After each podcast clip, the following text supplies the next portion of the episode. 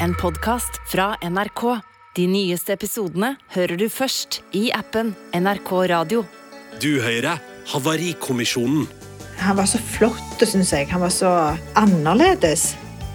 Og det husker jeg veldig. De følelsene hadde jeg veldig når jeg kunne bare sitte time etter time etter time og bla gjennom bilder han hadde sendt, og bare det håret, og kunne spille musikk og drømte meg helt vekk. og Dette er eh, Agnete, og hun møter engelske Andy på en pub i London og forelsker seg. and yeah, and she looked fantastic. And I just felt, you know, this is great. Men noen år senere så føles den forelskelsen ganske fremmed. Så er han sur og så litt sånn åh, og legger sekken opp i vasken og går inn på sko og begynner å lage mat med jakken på og uten vifter på. Altså, det er bare sånn. What was probably happening was uh, we were arguing over things that, you know, on the face of it would seem quite small things, but actually they had all those issues behind it.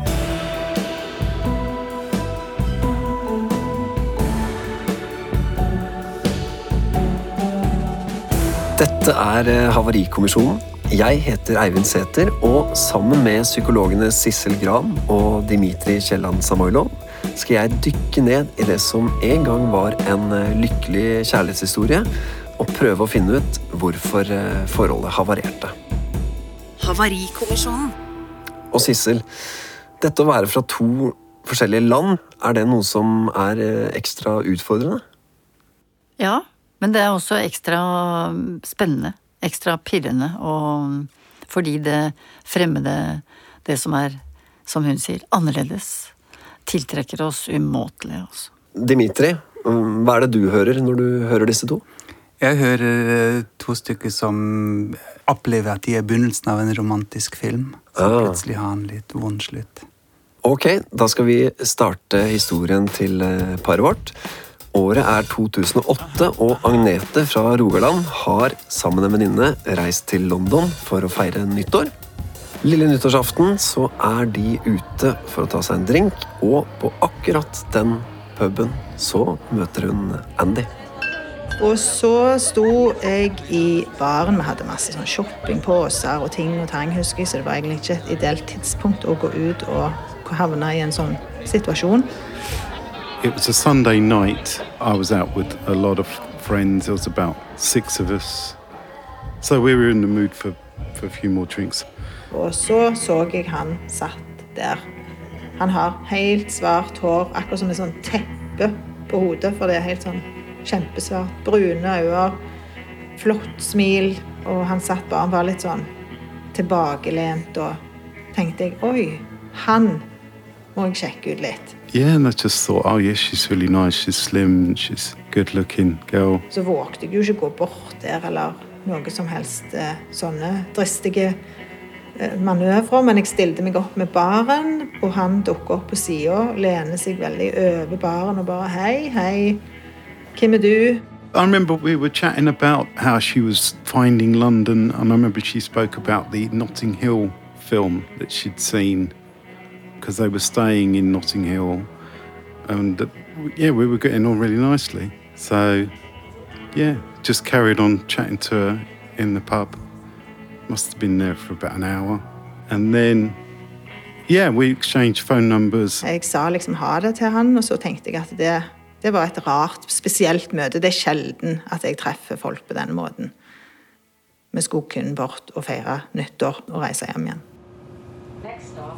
Og Vi skulle ut til flyplassen på første nyttårsdag, så vi satt på en buss, satte jeg kikket ut vinduet og så på en park som vi passerte. Så tenkte jeg bare litt sånn i mitt stille sinn Her kommer jeg til å bo om i kort tid. Sant? Det høres litt sånn klisjéaktig ut, jeg vet det. Men eh, jeg bare kjente at det, For jeg var på det tidspunktet det er en veldig sånn rastløse fase av livet. Vi hadde sånn telefonkort. Internasjonale ringekort, husker jeg, for det var jeg veldig mye ofte og kjøpte, så vi snakket veldig mye på telefonen. Eh, vi sendte en del bilder til hverandre. Han og han var ute eh, med sin familie og sine søsken. Jeg husker han var på en vinkjeller i London som er ganske populær. og Han sendte noen bilder derfra, og han var så fin. og så husker Jeg jeg satt og så på de bildene om igjen om igjen. om igjen. Jeg, jeg lagde meg en sånn en forestilling om at dette er bare sånn drømmeverden. Dette er greiene, altså. Det var helt magisk. Jeg var kjempeforelska i Andy. Eh, Jeg tror han var ganske forelska i meg, og det gjorde at det ble så veldig sånn Alt jeg sa, var kjempesjarmerende for han, tror jeg. Jeg tror han var ganske fornøyd, faktisk, av at han hadde truffet meg. She didn't really want to put herself under that pressure of having to speak English. But then I suppose she liked me enough to decide to meet up with me anyway. So yeah, that was that was really good. Og så hadde vi veldig mye kontakt. Han var klar. Han kom til Norge. Besøkte meg. Vi møttes i Stavanger på et hotell.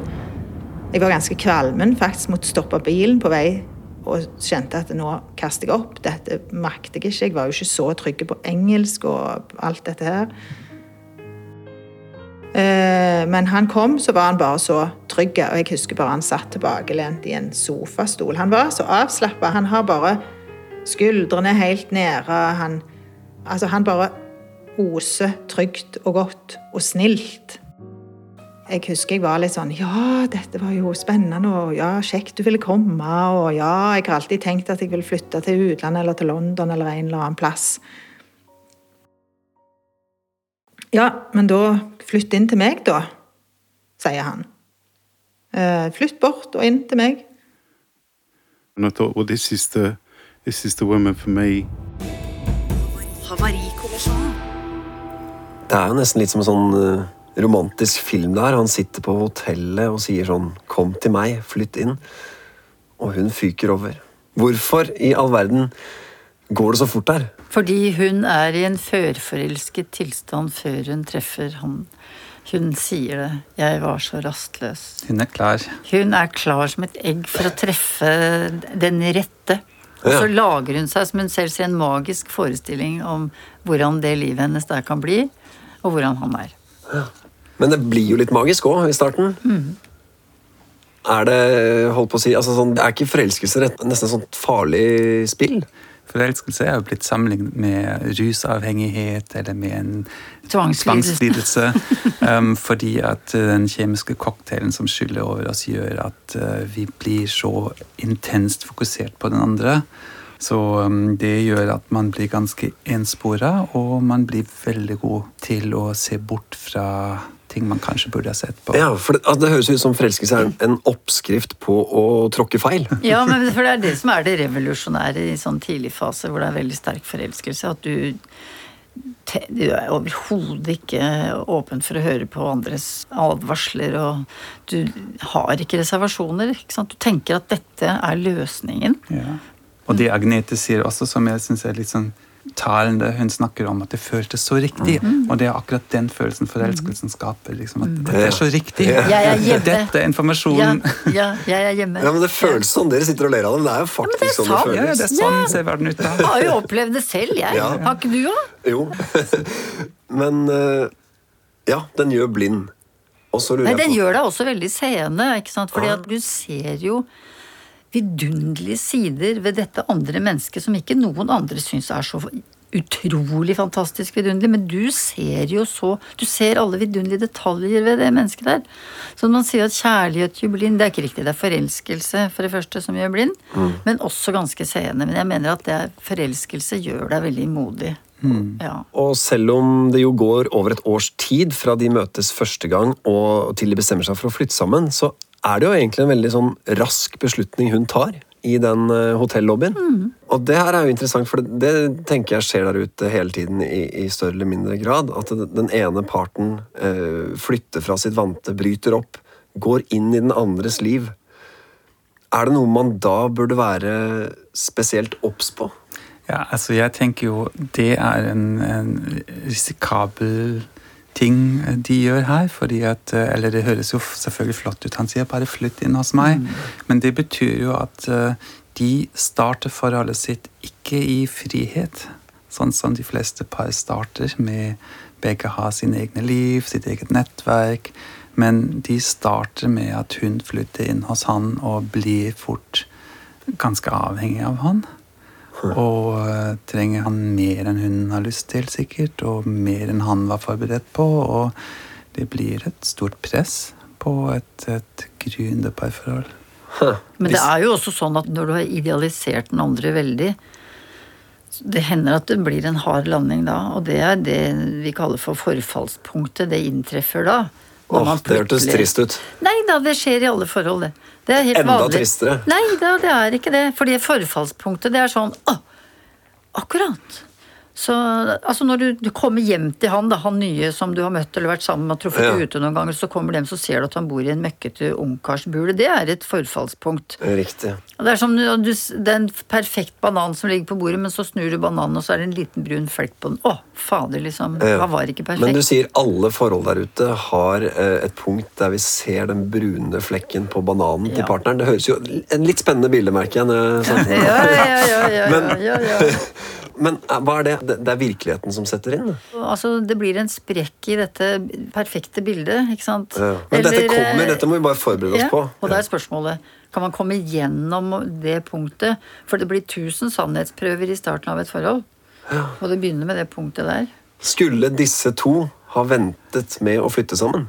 Jeg syns eh, Jeg vet jo ikke om det ville vært praktisk mulig, men det er jo risikabelt å ikke ha noe mer av sitt eget liv i et nytt land før de eh, med en gang bor sammen. Det kan jo gå bra, men da må de i hvert fall ha en veldig god dialog om hva det innebærer, og hva det kan bety. Skal vi ta og finne ut hvordan det går med dem?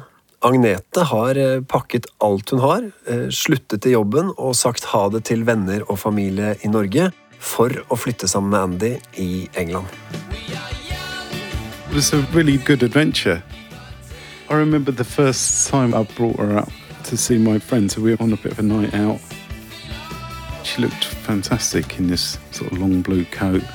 And I just felt this is great. And everyone loved her. So, yeah, it was really good. Vi var utrolig forelska i hverandre. Det var bare storm. Jeg gikk nesten vi gikk bare og vandra på søndagene i villagen der, og jeg kunne gå inn på en butikk og kjøpe liksom et stort Nå ville jeg jo ikke hatt det her, og det var jo veldig er jo veldig umoderne nå, men sånn en treplanke så det var malt 'Love is all you need'. For det var jo der Jeg tenkte faktisk i de banene at jeg trenger ingenting annet. Jeg har jo Andy, og dette er alt jeg trenger. Jeg gikk hjem og satte han høyt oppe på peisen, liksom. Yeah, we would go on walks together, go to restaurants, go to a pub. That's always very nice. Uh, we had similar tastes in music, so we had that kind of connection as well. Når vi var hjemme i Norge, så bodde vi ofte hos eh, min søster. De er en veldig A4-familie som liker å stå opp tidlig på morgenen, dekke bord, alle samles.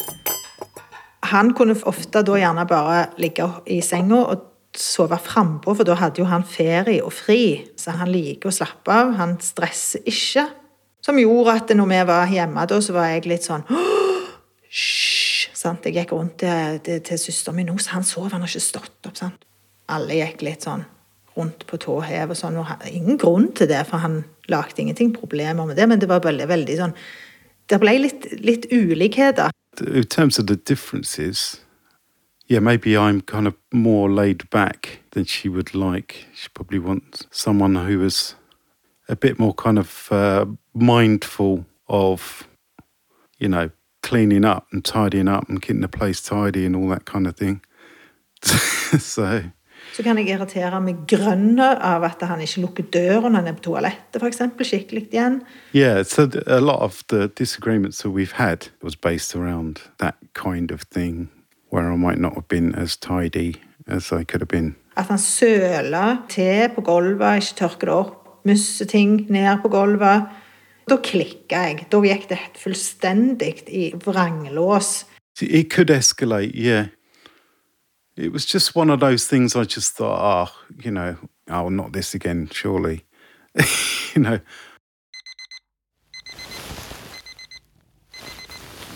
Han kan være veldig morgengretten. Han er et eh, veldig B-menneske.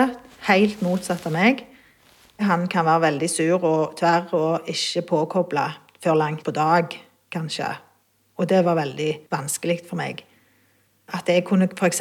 kile han under føttene en morgen og si oh, nå er våkner du, så kunne han bare nesten be meg om piss off. sant? Og da var jeg sånn, jeg husker en gang i London, jeg bare heiv på meg alle klærne mine og skoene mine og sprang nedover gata helt sånn uten mål og mening og grein og bare tenkte nei, dette er jo helt krise, dette er så krise som det går an å bli. Han, eh, sant? Det, jeg, det, det, var helt, det var helt forferdelig.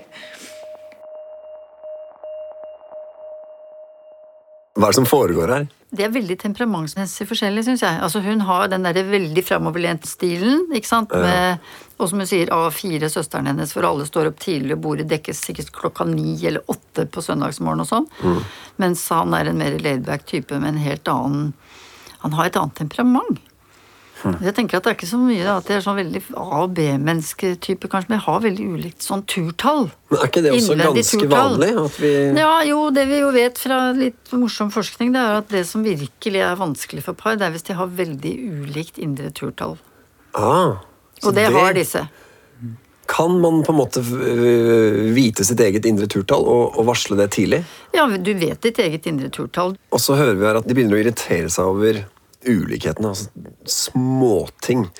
Og det er virkelig småting. ikke sant? Det er sånn som helt klassisk går inn der ute. Det er eh, doseter og smatting og hvordan skoene stables. Disse meningsløse, dustete tingene vi holder på med, som blir store.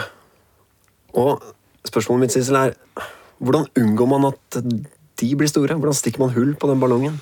Det Her er den ene sannhetsprøven etter den andre. ikke sant? Han søler te på gulvet. Han lukker ikke dodøra. Jeg tror at eh, hvis du ikke klarer å akseptere at den andre ikke klarer å lukke dører, da, eller ja, har en mer laidback stil når det gjelder mange sånne ting, selv om du har en geskjeftig stil sjøl, så jeg tror du må må kjenne etter er det allikevel verdt det å være i det. Altså, hvis det er det, så tror jeg at man kan se gjennom fingrene med veldig mye, eller legge mye til side, som ikke, og skjønne at det er ikke det viktigste i verden. Men det kommer an på hvordan resten av forholdet er. Også, ja. Og så snakker du om egentlig en viktig ting her, at etter forfallspunktet, det skrekkelige ordet her, Ja, ja. det er jo også da et vendepunkt hvor her blir vi stilt på prøve å se om har vi da virkelig aksept for den andre, og har vi aksept for forskjellene. For det trenger vi, for ellers så kan vi ikke klare oss når eh, forelskelsen ikke hjelper oss på vei lenger. Når den begynner å slippe taket, så må vi kunne ha faktisk aksept og raushet Hvor mye skal man tåle av forskjeller? Det fins forskning på, på forskjell i parforhold og konflikt i parforhold, og da noen ganger sier jeg det til par at vi vet at eh, 69% av alle konfliktene er uløselige. Da blir parene veldig forskrekka. Uløselig. Altså 69% av det vi driver og maser med, er det ikke mulig å finne en løsning på. Nei, for det handler om at man er forskjellig som personer. Det er, eh, disse temaene vil alltid komme opp. Men da gjelder, det, da gjelder det å finne ut veldig fort hva de 69 faktisk er, så man slipper å mase noe mer med det. Men det finner du ut.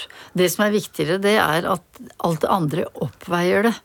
Ah. Altså Det er der John Gottman snakker om sin parforholdets økologiske brøk. For at han sier at den er fem til én.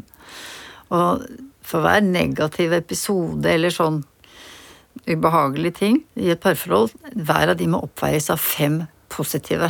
Å, fy flate. Ja. Ja. Og sånn er det i mange forhold. Man klarer det. Altså eksempel at man kan le av det, eller at man gjør den andre en kjempetjeneste, eller er veldig søt mot den andre, eller sier unnskyld, eller Og, og denne Gottmann som du snakker om, hvem er Gottmann? John Gottman er en amerikansk psykolog og parforsker, en gammel ringrev som har forsket på par i tomannsalder. Ok, så han eh, stoler vi på. Han stoler vi på. Ja, det ja, ja, men dette, altså, jeg kan jo komme med et eksempel fra mitt liv. Ja. For jeg har jo en mann som glemmer veldig mange sånne ting. ikke sant? Og hadde jeg vært ekstremt sånn tellekantpreget, så hadde det nok ikke gått så veldig bra. Men eh, jeg kan også, når jeg liksom såkalt irettesetter ham, så kan jeg samtidig si du vet jo at jeg er en hurpe, og at denne hurpa elsker deg. Ja. Og så lever vi veldig av det, og så så må jeg lukke igjen skapdøra likevel. Men her var det tre positive ting. Ja, Du tar ansvar for deg, du bringer en humor, Ja. dere ler av det, du sier at du elsker han. Ja. Det er veldig gode råd. Det er proft opplegg der.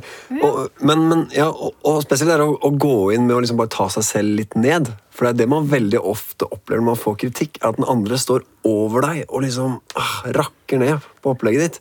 Ja, men det er jo fordi det ikke fins bagateller i et parforhold, ikke sant. Fordi Andy kommer inn, eh, går rett inn på kjøkkenet med skoene på. Krise! For hva Ja. betyr det?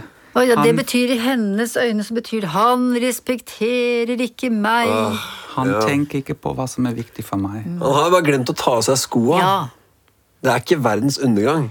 Nei, men hun tenker det, og hun vet ikke hva hun vil og hvor hun er på vei, fordi dette er et angrep på både kjærligheten og henne, og han har ikke respekt for henne. Hun blir skuffet, og han blir skuffet, og når man blir skuffet, så Og det er jo forståelig, ikke sant? Hvis du tenker i hele konteksten, så er jo det veldig forståelig. For hun har jo virkelig revet opp sitt liv med røttene.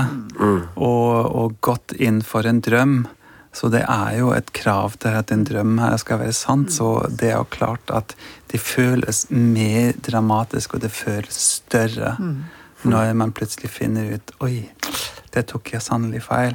Men når de er der nå at det, det ulmer litt, og de, de sitter fast i sine dolokk og teflekker på gulvet og sko på kjøkkenet og alt sånt som man alle kan sitte litt fast i, hva burde de egentlig fokusere på nå? Hva burde de si til hverandre? Altså, han burde jo sagt veldig mye før. Og hun burde også sagt eller skjønt veldig mye før. Nå flytter jeg inn til deg. Inn i dine ting. Du har ditt system, dine greier. Din mannehule. Inn her kommer jeg med pekefingeren min. Hvordan er det for deg? Um, hun invaderer hans hjem.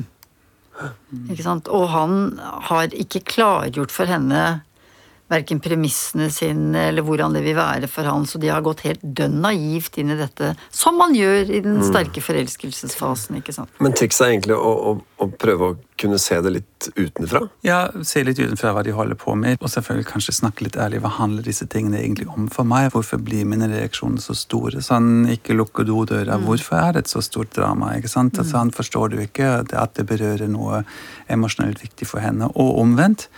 Og det andre er jo, um, når de først holder på sånn, er jo De fleste par vet jo hva som får den andre til å føle seg sett og spesiell og anerkjent. Så den andre biten er jo å fortsette å gi det, istedenfor å bare prøve å signalisere det andre som mangler. Ja. Ok, eh, vi skal videre i historien til eh, Agnete og Andy. De oppdager altså disse små ulikhetene seg imellom. Eh, Agnete får seg jobb, og hverdagen setter liksom inn.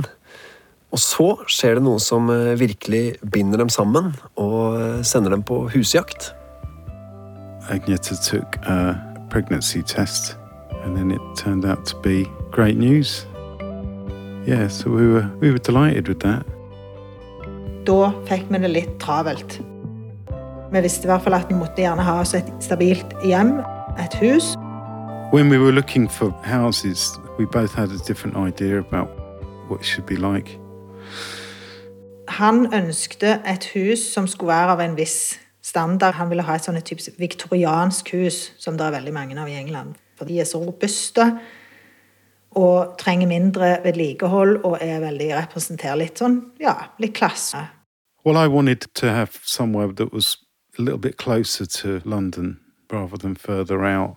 Og så ville han helst at de skulle ligge next door til en togstasjon. For, sant? for engelskmenn betyr det jo utrolig mye, det med logistikk og komme seg fra A til B er veldig betydningsfullt. But I think Agneta had a she's more interested in having somewhere with a garden and Og så havna vi nå til slutt inn, vi kjøpte et hus. Jeg la inn et skambud, og han var litt sånn Nei, det er feil beliggenhet, feil typus, feil ditt, feil datt. Det var et litt sånn Hva skal jeg si, ikke skandinavisk, men litt sånn nordisk stil på det huset. Det var helt nydelig hus i ei rolig, fredelig gate. we only went there once to view it, which is a bit of a mistake. And then when we got there, the house had no electricity because because we, well, it just cut out, And then there was terrible noises coming from the plumbing. Og huset var sånn typisk veldig engelsk vegg-til-vegg-teppe inne, og som I England er det jo veldig mye sånn tepper inne hos folk, og det assosieres med litt sånn skikkelighet og litt sånn eh, Jeg får jo angst av det. Totalt. Jeg fødte denne jenta vår, og det var veldig fint. Yeah, and I remember taking her home, and those first few nights, and she'd be asleep on my chest. It'd be three o'clock in the morning. Just think, oh, well, I don't need to sleep. I can just sit here. Yeah, it was wonderful. It was good for a little while, for a few weeks. Yeah, but then the, some of the issues came back. You know, with the not getting on. Jeg flytta inn på eh, gjesterommet. ja, ganske kort tid etter, når jeg tenker meg om. Yeah, I think what was probably happening was uh, we were arguing over things that, you know, on the face of it would seem quite small things, but actually they were kind of, they had all those issues behind it, that loss of connection. Jeg tror nok jeg fikk den tilknytningen til hjem og familien min og mine oppvekstforhold og natur og hva som er på TV på vinterstid, var det som fikk fram en stor lengsel i meg. Jeg kunne f.eks. gjøre noe sånn banalt som å sette på en film av Lotta, som er jo vel ei fem-seks år gammel jente i den filmen, til en baby. For jeg husker han spurte sånn Hva tenker du? Altså, hva, vil hun få noen forståelse for dette? Nei, men det er bare liksom sånn, det skandinaviske, det har en historie det, altså, sant? Jeg tenkte veldig sånn eh, Jeg lengta nok. Do we ever talk about that whole issue about how we come from two different countries and what country should we live in and which languages should we speak in and yeah we we should have done a lot more of that Jeg savna de samtalene der vi kunne faktisk enes om at det er den retningen vi vil gå, dette vil jeg, og jeg vil gjøre det i lag med deg. Jeg ønsker å være med deg. And what invariably would happen was that we'd have an argument. And it would always be me that would say sorry and try and reconnect. And i do remember one time when i thought okay well i'm not going to say i'm sorry this time. I just want to see how long this would take before it would be her to say sorry and try and reconnect. And it was you know four or five days of her not speaking to me so yeah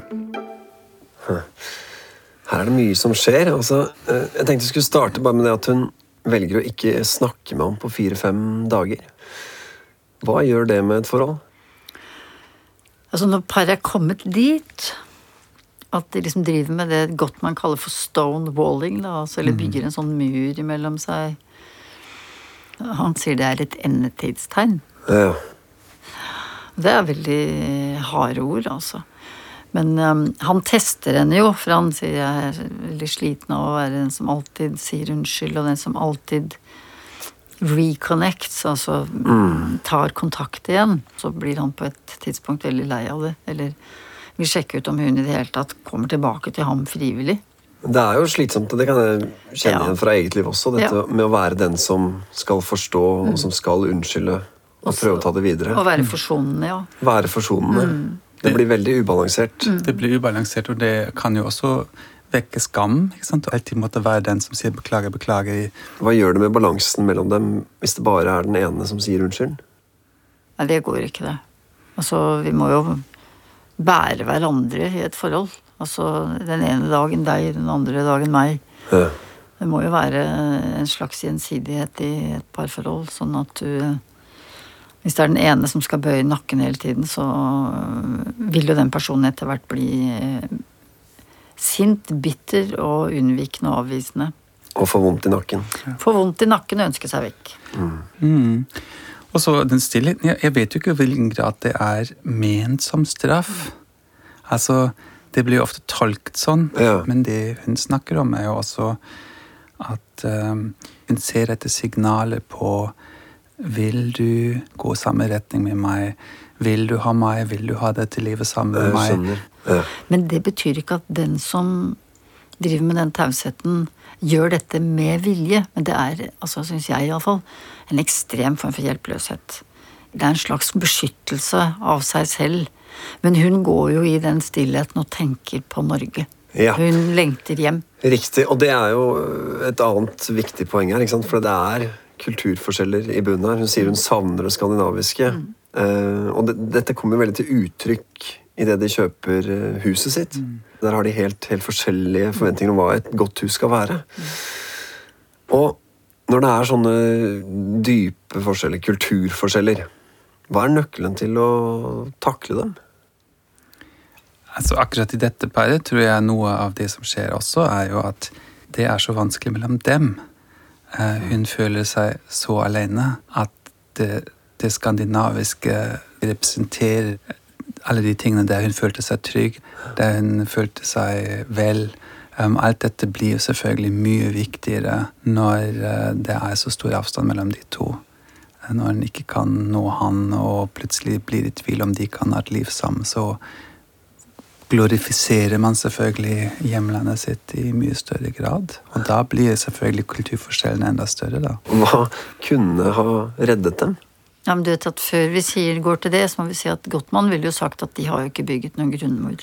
Ah, Og hun legger inn et skambud, altså et billig bud på et dårlig hus som ikke han har lyst til å flytte inn i, og det er jo det verste du kan gjøre. Det kan godt hende at det blir et sånt ømt punkt for han, altså som bare blir ømmere og ømmere, at det er, kan utvikle seg til det som vi kan kalle et parforholdstraume. Så eh, det er jo, hvis jeg skal være sånn veldig gammeldags, tråkke på hans maskuline behov for å være en mann i familien, da. Det de burde ha gjort, tenker jeg, er jo De burde satt seg ned, senket tempoet litt, ikke hatt dette forferdelige hastverket, dette høye turtallet, og faktisk tatt seg tid til å høre med hverandre. Hva er det dette huset der nær togstasjonen faktisk betyr for deg? Hvilke drømmer har du om oss som familie med dette huset? Men klart, hvis man veldig fort går over til at dette handler bare om praktiske ting, og du er så engelsk og du må komme deg over det, du er så skandinavisk og du må komme deg over det, så, så blir det en veldig sånn fastlåst krangel. Så det er ikke noe god balanse for ingen av dem. Hvis jeg bare liksom hopper inn i livet deres der de er, hva, hva kunne vært sagt over middagsbordet der? Hva kunne satt i gang et eller annet som kan snu dette? Nå har vi rota det skikkelig til for oss, du. Nå sitter vi her i et hus som eh, ikke var drømmehuset egentlig for noen av oss. Og, men hva kan vi gjøre med det? For nå er jeg egentlig fryktelig redd for å miste deg, og at det skal gå helt galt med oss. Og kan vi egentlig starte litt på nytt? Ok, eh, vi skal tilbake til eh, paret vårt. For da Andy og Agnete flytta inn i dette huset med det dårlige elektriske anlegget, var det samtidig som om de to også forsvant inn i et slags eh, mørke. I did get an electrician to come in and try and fix the electricity, and he, he wouldn't go anywhere near it. He didn't want to sign his name to the. so there's all these different issues going on with the house. So, so it just meant a little bit more stress on top of the relationship then. Når vi kom inn i dette huset, så forandra han seg nesten til å bli Jeg kan ikke si deprimert, men passiv, uinteressert, amper, tiltaksløs.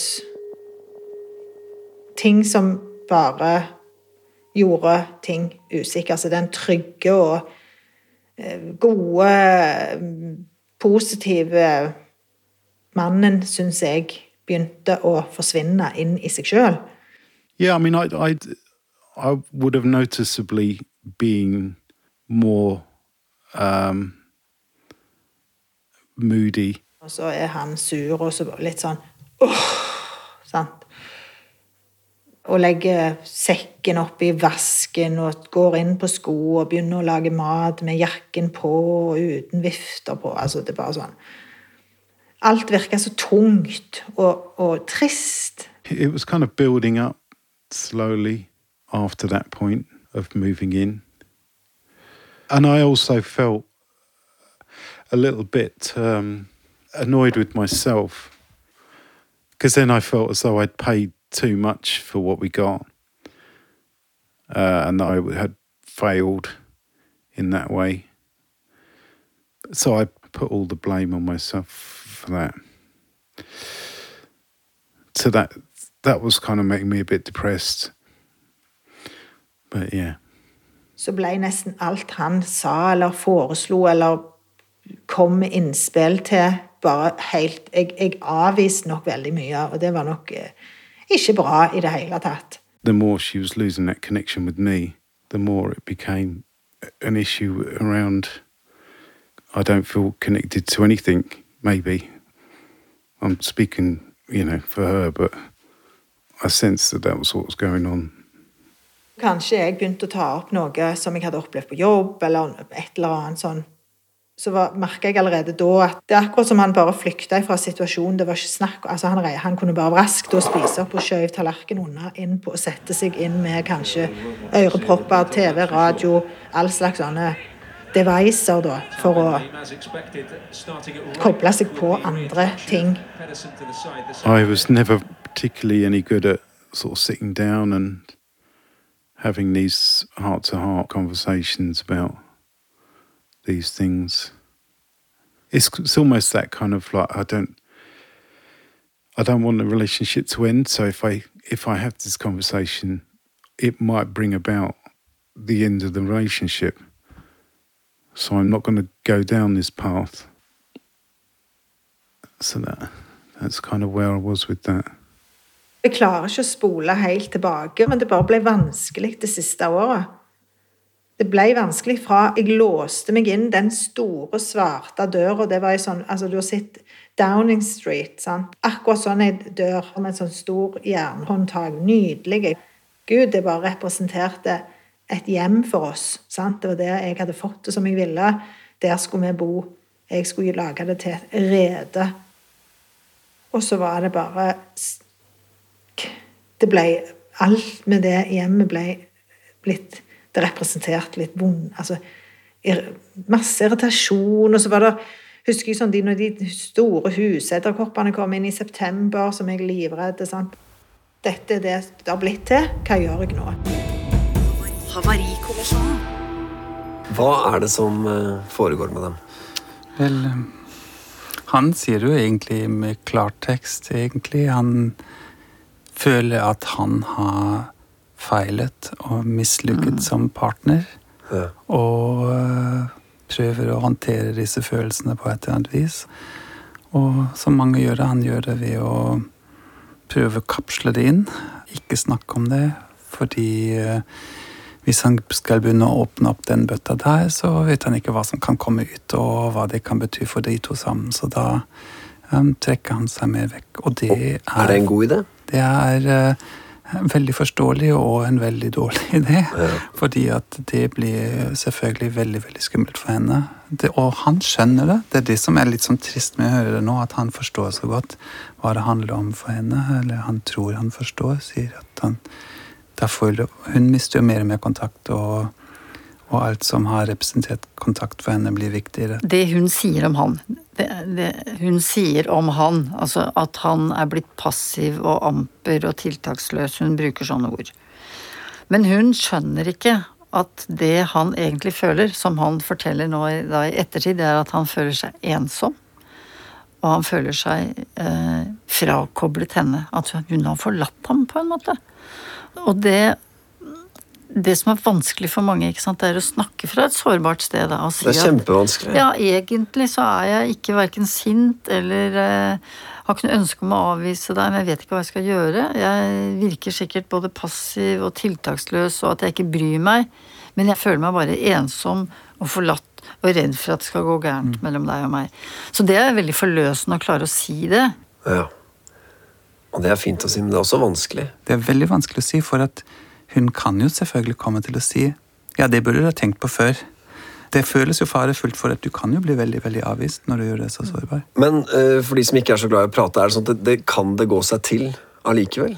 Altså Kan man kapsle ting inn, eh, holde kjeft og være sammen i 30 år og ha det ganske fint sammen? Du kommer til å slutte å være forelsket. Du gjør kan, det, ja. Du kan ikke kapsle inn alle disse Det dreper forelskelsen. Du kan ikke kapsle inn bare noen ubehagelige følelser. Det hadde vært veldig greit. Det hadde vært veldig greit. Det er mange som prøver. Jeg kan kapsle inn mitt agg og mitt sinn og, og alle disse tingene. Og så kan vi ta vare på resten. Det hadde vært utrolig fint om hadde fungert. Men det er dessverre sånn at vi kan ikke undertrykke noen følelser og ikke andre over tid. Men det ordet vi ikke har brukt, og det vi ikke har snakket om, det er jo det der eh, som alle voksne mennesker burde bli litt bedre på. Om det er i England eller Norge, det er selvregulering. Å skjønne at nå må jeg gjøre noe med meg. Ah, Nå må jeg jaggu meg ta meg sammen. Nå går jeg her og surner. Nå Ja. går jeg her og er taus. Nå går jeg her og prøver å straffe eller få han eller få henne til å si noe. Nå går jeg her og er en barnslig tenåring i stedet for å være et voksent menneske. ja, det er lett å peke ut. det er veldig lett å peke på den andre eller tenke at hvis bare han hadde gjort eller hvis bare hun hadde vært, eller bare hvis ditt og bare hvis datt, og bare hvis verden hadde vært annerledes, og bare hvis jeg hadde vært rik og sånn, i stedet for å tenke hva kan jeg gjøre da? Det hadde alt stått meget bedre til hos mange flere hvis de hadde fått til det, men altså, det er mange som faktisk får til det, som ikke behøver å gå i terapi. Eller som ja, kanskje har gått tre ganger til en terapeut og fått et spark i ræva, for å si det rett ut. Ja, Spark i ræva er ganske sunt. Ja, noen kan trenge bare Eller noen en sånn slags aha-opplevelse, da. Rett og slett. Så innimellom når jeg går hjemme og, og liksom går og gnurer litt og, og syns at ting er liksom ikke helt der det skal være, og så begynner jeg å tenke for mye og føle for mye, så er det innimellom en ålreit løsning å si Eivind, skjerp deg.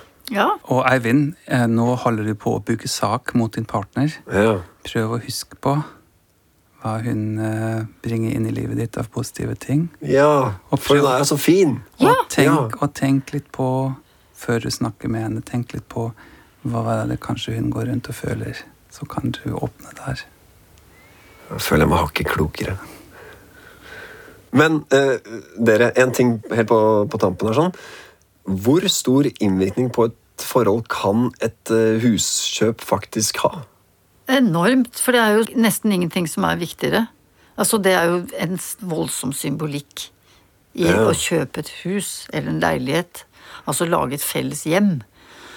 Og begge to må jo på en måte være, ha lyst til å flytte inn der. Ja. Hvis bare den ene har lyst til å flytte inn der, så er det jo så, er det jo så på skeiva som det bare går an å få blitt. Altså, da står allerede huset og tipper. Ha. Hele forholdet står og tipper. Eh, la oss rett og slett eh, bare høre hva som eh, skjer videre. Så skulle vi feire jul i Norge, ja, som vi gjorde de fleste årene. Eh, Men jeg var veldig annig på å komme meg hjem, for det var jo allerede begynt å bli veldig dårlig da. Og da husker jeg jeg spurte om jeg bare mm, reiser litt før, jeg, hvis det er greit. Jeg var så utålmodig etter å komme og han sa det er helt i orden, og han kom jo til, til julefeiringen da. Så reiste vi jo tilbake etter julefeiringen, for vi skulle jo videre til Irland og feire neste del av altså nyttårsfeiringen der, hos hans gamle foreldre. Jeg kjente dette, og da var det bare hele tanken altså på, på alt, og på at jeg var så ferdig at jeg måtte på en måte bort der igjen. Jeg følte at det er sånn, nei. Eh, Men det gjorde jeg jo, og kom til Irland, og da var allerede en del søsken kjent med at vi hadde problemer. Han trakk seg bare inn i stua og tok opp ei avis, satt og så på TV-programmer mens jeg står i tårer inne på kjøkkenet. Og da var det ei Han har ei veldig klok, omsorgsfull, objektiv søster som han er veldig glad i, og som er litt sånn lim i denne familien, som sa at eh, dette er slutt. Du har det best hvis du flytter hjem. and that kind of thought process led to to us just agreeing that Agneta should just go back, which is really hard for me.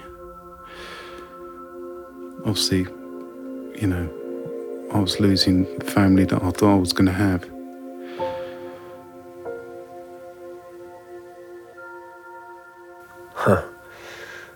Dette var slutten for eh, Andy og Agnetes forhold. Og så er vi jo da der at vi er nysgjerrig på å høre hva eh, kommisjonen har kommet fram til. Sissel, Hvorfor havarerer dette forholdet? Jeg opplever vel at hun lagde et så idealisert bilde av han og hva dette forholdet kunne bli, at hun på en måte la opp til sin egen skuffelse. Um, ja, altså det som er veldig viktig for meg å si, det er at jeg, hun har ikke noe skyld. Det er ikke noe skyld her, ikke sant. Men det er en Jeg tror hennes skuffelse blir så stor så veldig fort. Jeg tror hun blir desillusjonert så veldig fort. Og så kommer dette ulykksalige huskjøpet. Symbolet på det hele. Og hun sier 'jeg fikk det som jeg ville'. Men han fikk det ikke som han ville. Og dette paret greide ikke å finne det som et par er nødt til å finne. Et par er nødt til å finne en felles vilje. De fant ikke en felles vilje. Da blir det veldig vanskelig å leve sammen. Ja. Fint oppsummert. Dimitri, ser du noe som du tenker at de kunne gjort eh, annerledes? Som ville gitt en, en bedre vei for dem? Ja, jeg tenker jo de burde ha tatt seg tid i begynnelsen Å bli kjent. Litt sånn på ordentlig. Uten å rive opp alt og satse 100% på hverandre. Sånn at det er litt rom til å kunne finne ut hva kan jeg, hva kan jeg ikke leve med. Havarikommisjonen. Andy og Agnete, nå har dere fått høre kommisjonen. Og Agnete, hva tenker du? Er du enig i det de sier? Ja, eh, det vil jeg absolutt si. Det var nesten sånn Ok, liksom. Det var det jeg gikk og kjente på ja, når jeg lurte på det den gangen der, uten å ha kunnet formulert det. Eller gitt en, en, eh, en betydning som de gjorde, da, selvsagt. Så det var, var veldig, veldig nyttig. Uh, Andy, hva sier du? Yeah, well, I mean, just that issue, you know, us not communicating, not listening to what each other was saying, that was, you know, crucial, really, in my understanding of it. Det var et havari, det, det var uten tvil, men, eh, men vi landa ganske behagelig, for å si det sånn. Eh, eh, Hvordan har dere landet? Hvordan er forholdet i dag? Veldig bra, egentlig. Vi er to voksne mennesker med respekt for hverandre, og vi bryr oss veldig mye om hverandre. Begge prioriterer jenta vår eh, overalt. Og, og Andy kommer jo her og bor hos oss, det har han jo gjort nå i seks år. Eh, og vi har reist sånn fram og tilbake til hverandre og vært sammen ved alle anledninger, da. Så det fortsetter vi med. So we're in a much better place now. Um, you know, the fact that we can communicate on a much more sort of adult level now means that it's beneficial for, for all of us. Yeah. Så sånn sett, disse her vrakrestene, for å si det litt sånn billedlig, eh, så har det virkelig eh, har vi behandla de fint, syns jeg. da. Det er jeg veldig, veldig glad for. Så på tross av den høye risikoen, så så er jeg ganske stolt av at eh, vi kom ut av det på en så god måte for datteren vår, da, ikke minst. Takk til Agnete og Andy for at eh, de delte sin historie. Har du lyst til å høre andre parhistorier, så finner du flere episoder av eh, Havarikommisjonen i appen NRK Radio. I neste episode møter du Carl og Kristina. Jeg har jo kanskje et stort eh, seksuelt behov også som ikke innfris. På et tidspunkt så kom det vel frem en idé om at han hadde sex med noen andre. Og jeg husker jo at jeg først var litt sånn Oi, det var en sånn rar tanke. Vil du og din ekskjæreste dele deres historie og høre hva parterapeutene har å si om forholdet deres, så sender du en mail til havarikommisjonen krøllalfa nrk.no. Denne episoden av Havarikommisjonen er laget av Maja Østerud og Caroline Møller. Lyddesign Hilde Rolfsnes. Redaksjonssjef er Randi Helland. Mitt navn er Eivind Sæther. En podkast fra NRK. Han er på scenen igjen. Ingen mindre enn Håkon Banken! Den sangen jeg skal prøve å synge nå, den handler om den gangen jeg er i skogen i Nord-Värmland. Antagelig veit du ikke hvem han er, for han viste seg nesten aldri offentlig. Men Håkon Banken var en av våre største artister gjennom 80-tallet. Musikken hans spredde seg på bygda uten hjelp fra media. Han solgte hundretusenvis av plater. Podkasten Balladen om Håkon Banken hører du først i appen NRK Radio.